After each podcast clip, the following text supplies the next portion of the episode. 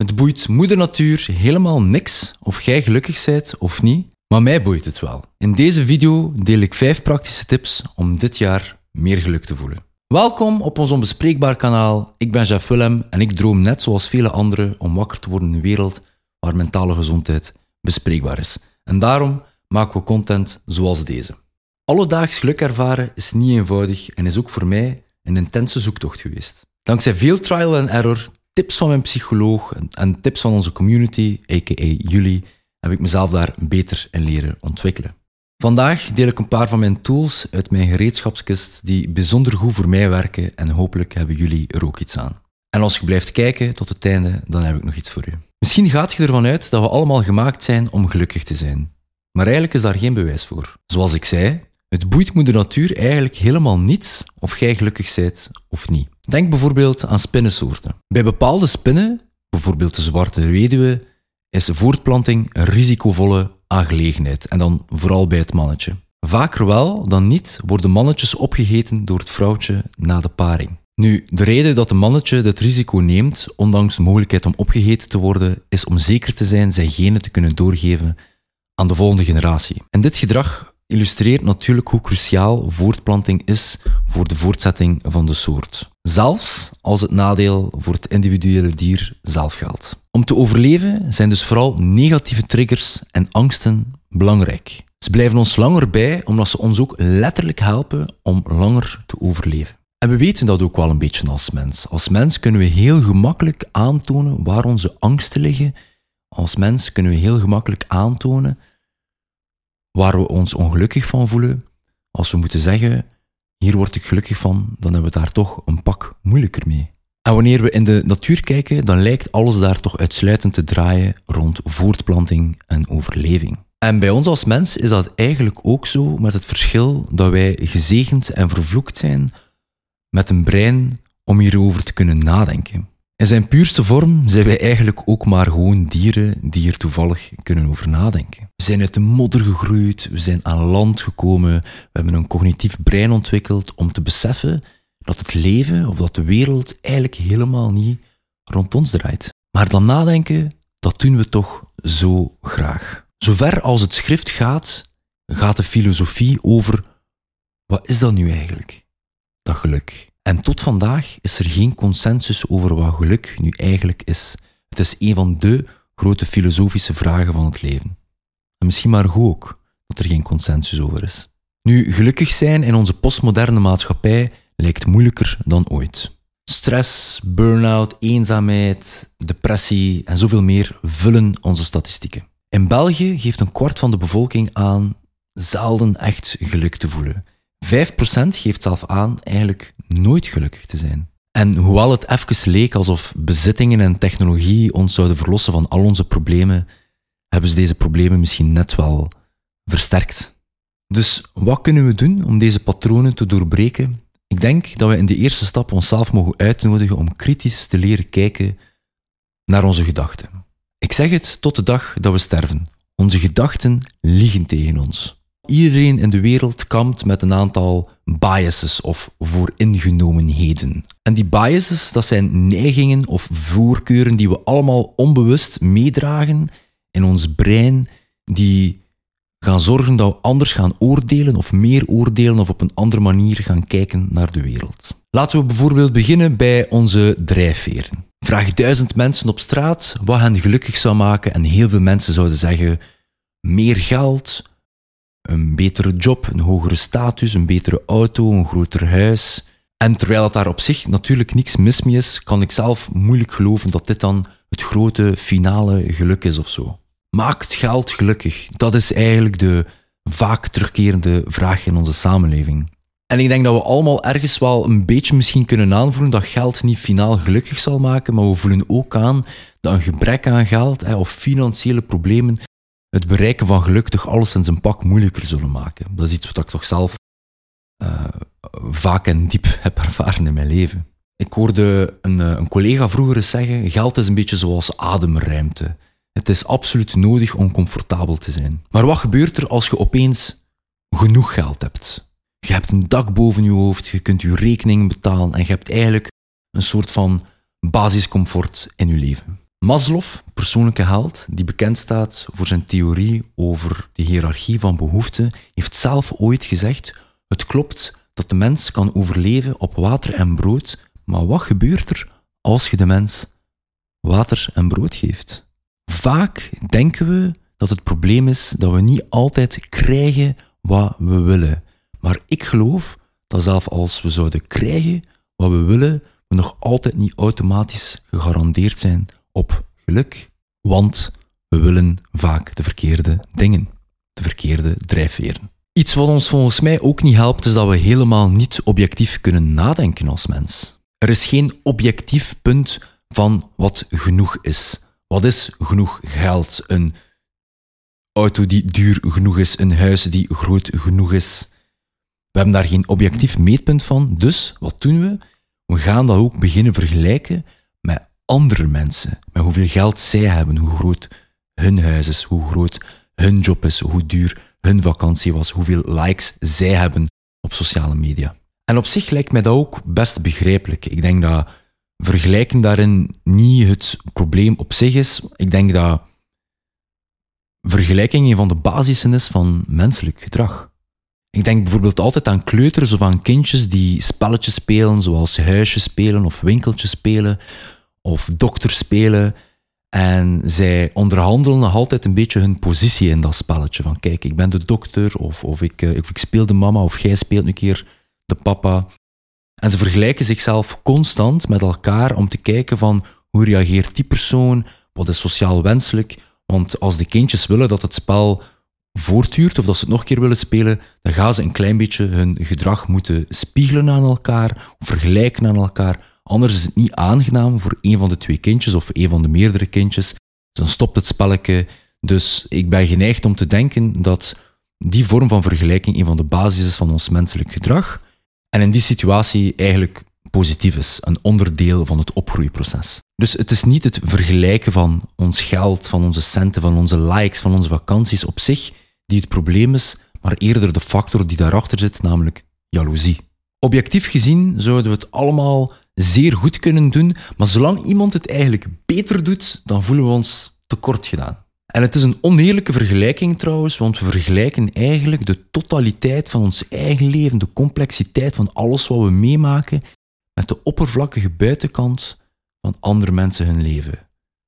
We vergelijken eigenlijk de 24-7 van ons bestaan met de highlights van andere mensen hun leven. Het is gewoon oneerlijk. Voor onszelf, maar ook voor de ander. Nu, daar blijft het niet bij volgens mij. Iets wat ik zelf heel vaak merk is hoe gewoon ik word aan bepaalde ervaringen. Vorige week was ik in een pretpark en keek ik enorm uit naar een bepaalde rollercoaster. En je kent dat wel. Je schuift aan, dat duurt wel even voordat je in die rollercoaster zit. En de allereerste keer was echt waanzinnig plezant. Maar het is ongelooflijk hard beginnen regenen, kort nadien, waardoor veel mensen uit het park zijn gegaan. En in plaats van een kwartier of twintig minuten aanschuiven, kon ik eigenlijk direct in de attractie. Long story short, ik ben zeven keer in dezelfde rollercoaster geweest op een korte tijd. En raar maar waar, misschien heb je het zelf ook wel eens meegemaakt, de zevende keer vond ik er eigenlijk echt helemaal niks niet meer aan. Ik kreeg die kriebels niet meer, ik keek er niet meer naar uit. Het voelde gewoon niet als hetzelfde als de eerste keer aan. En ik had zelf geen zin meer in een achtste keer en ik ben gewoon naar huis gegaan. En eigenlijk is dat echt iets bizar, vind ik zelf. Daar denk ik zelf veel over na. Maar het is met alles zo. Bepaalde ervaringen zijn nu eenmaal zo aangenaam, gewoon omdat ze zo zelden voorvallen. Moest je alle dagen kreeft en caviar eten, dan zou je na een bepaalde tijd geen kreeft of caviar niet meer kunnen rieken, denk ik. Iets wat ik daar gemakkelijk kan aan linken, dat ik recent vond, is een fenomeen dat impact bias heet. En we overschatten eigenlijk consistent de impact dat iets zal hebben op onze mentale gezondheid. Kort gezegd, focussen we ons als samenleving graag op het bereiken op de top van de berg. Terwijl als je die top van de berg hebt bereikt, is dat geluk eigenlijk zeer kortstondig en vliegt dat weer voorbij en is het weg. En stel nu dat we met vrienden die berg zouden beklimmen, dan gaan de verhalen nadien altijd gaan over weten nog het beklimmen van die berg. Daar gaat altijd de value zitten, daar gaan altijd memories zitten. Maar we focussen ons altijd op de top, op dat korte geluk.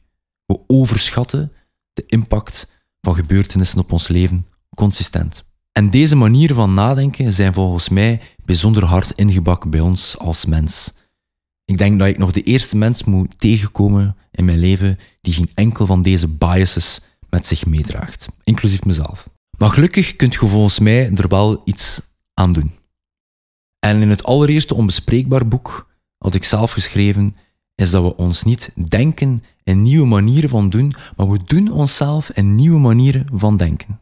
Onze dagelijkse acties, onze routine en onze discipline aanpassen kan een gigantische ripple effect op ons totale mentale gezondheid hebben. En hier zijn vijf concrete tips die kunnen helpen dit jaar.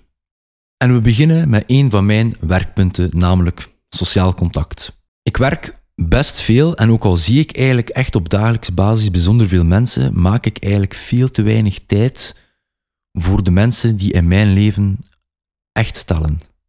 Maar blijkbaar ben ik daar niet alleen in. Een zeer recent onderzoek uit 2022 van Nicholas Apley toont aan dat wij als mens consistent onderschatten wat de impact van sociaal contact op onze mentale gezondheid is en het daarom dus ook uitstellen.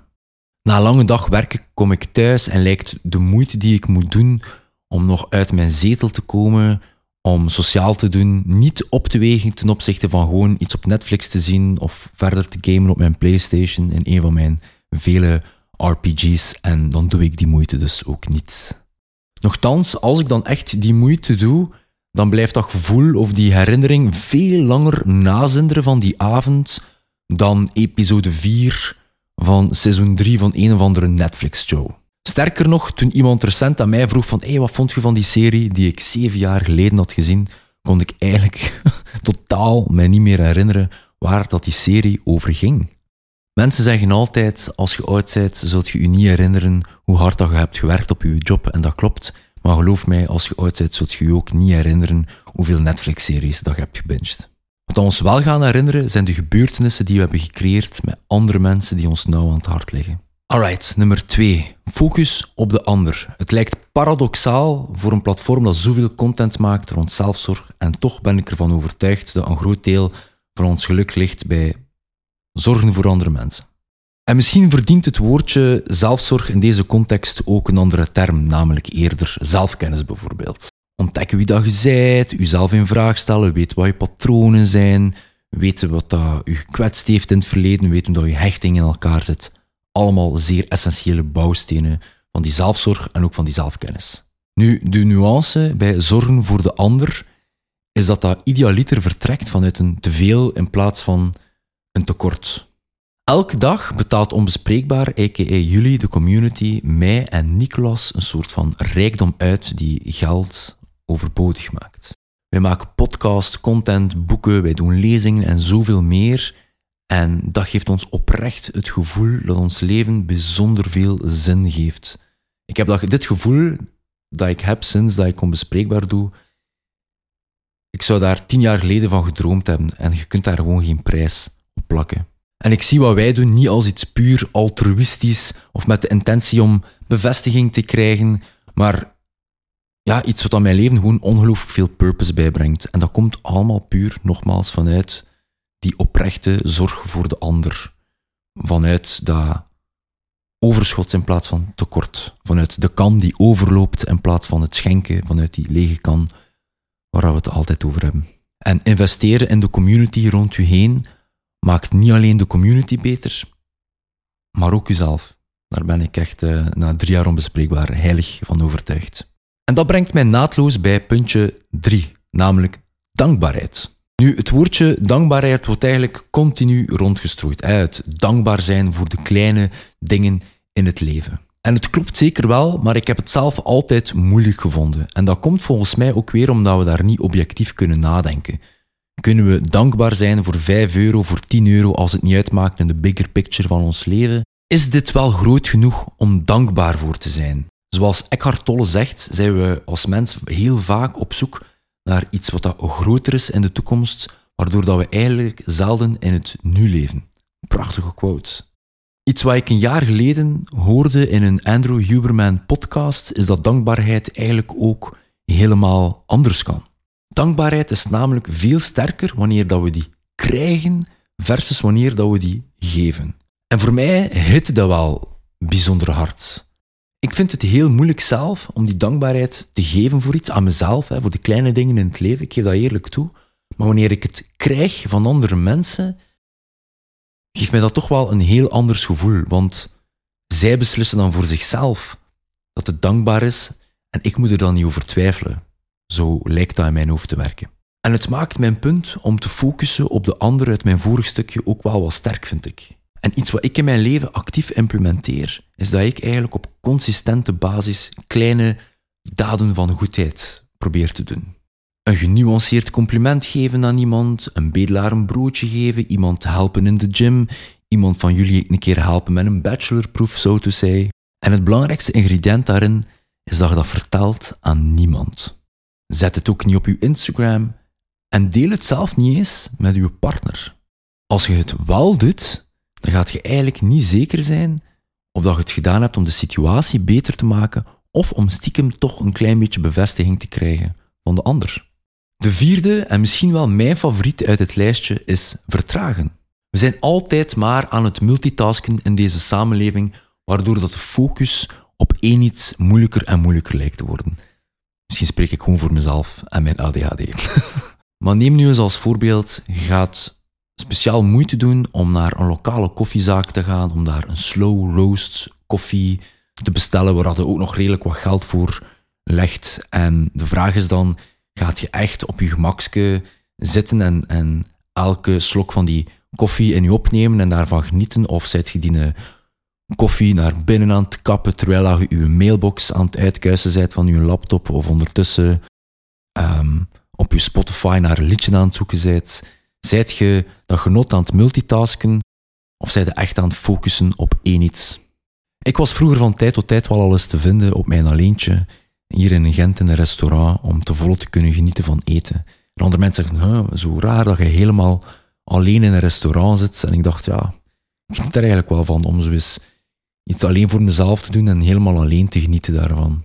En daarom dat ik zeg dat dit echt mijn favoriete puntje is. Reflecteer keer voor jezelf in je leven. Kunt jij meer genieten van kleine momenten in je leven en alleen dat doen? Probeer dagelijks een keer een actief, traag momentje in te plannen waar dat je dan normaal gezien al multitaskend zou doen. Die koffie, die sushi, die geurkaars, dat bad, die wandeling in het bos, misschien zonder podcasts, oh irony. en voor mij werkt dat toch alleszins wonderen.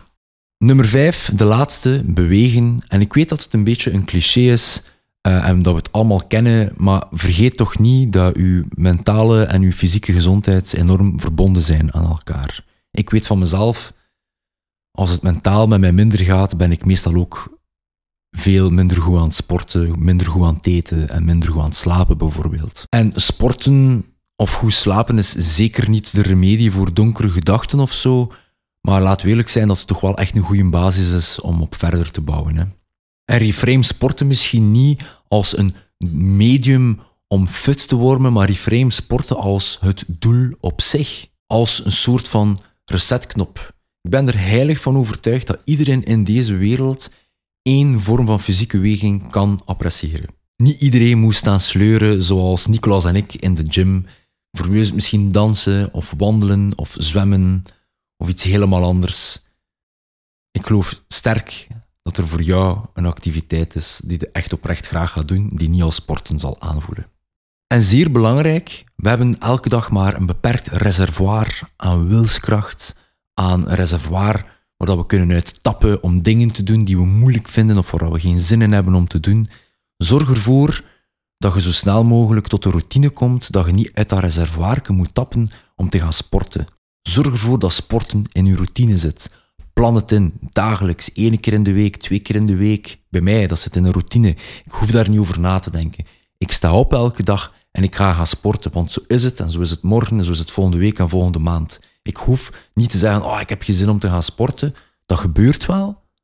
Maar voor mij zit dat vast in een routine. Want er zijn al zoveel dingen in mijn leven waarvoor dat ik dat reservoir nodig heb, dat ik het niet wil inzetten om te gaan sporten.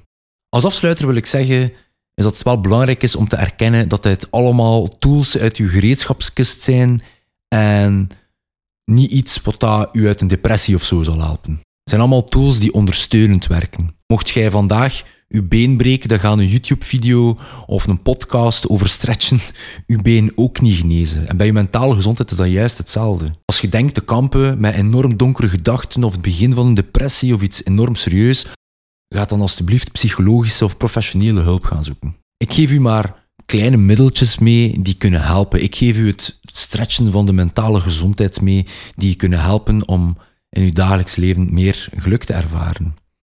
En het zijn allemaal middeltjes waar ik zelf ook al een lange tijd mee experimenteer. Het moeilijkste van alles wat er hier gezegd is geweest, is om dit te implementeren in uw leven.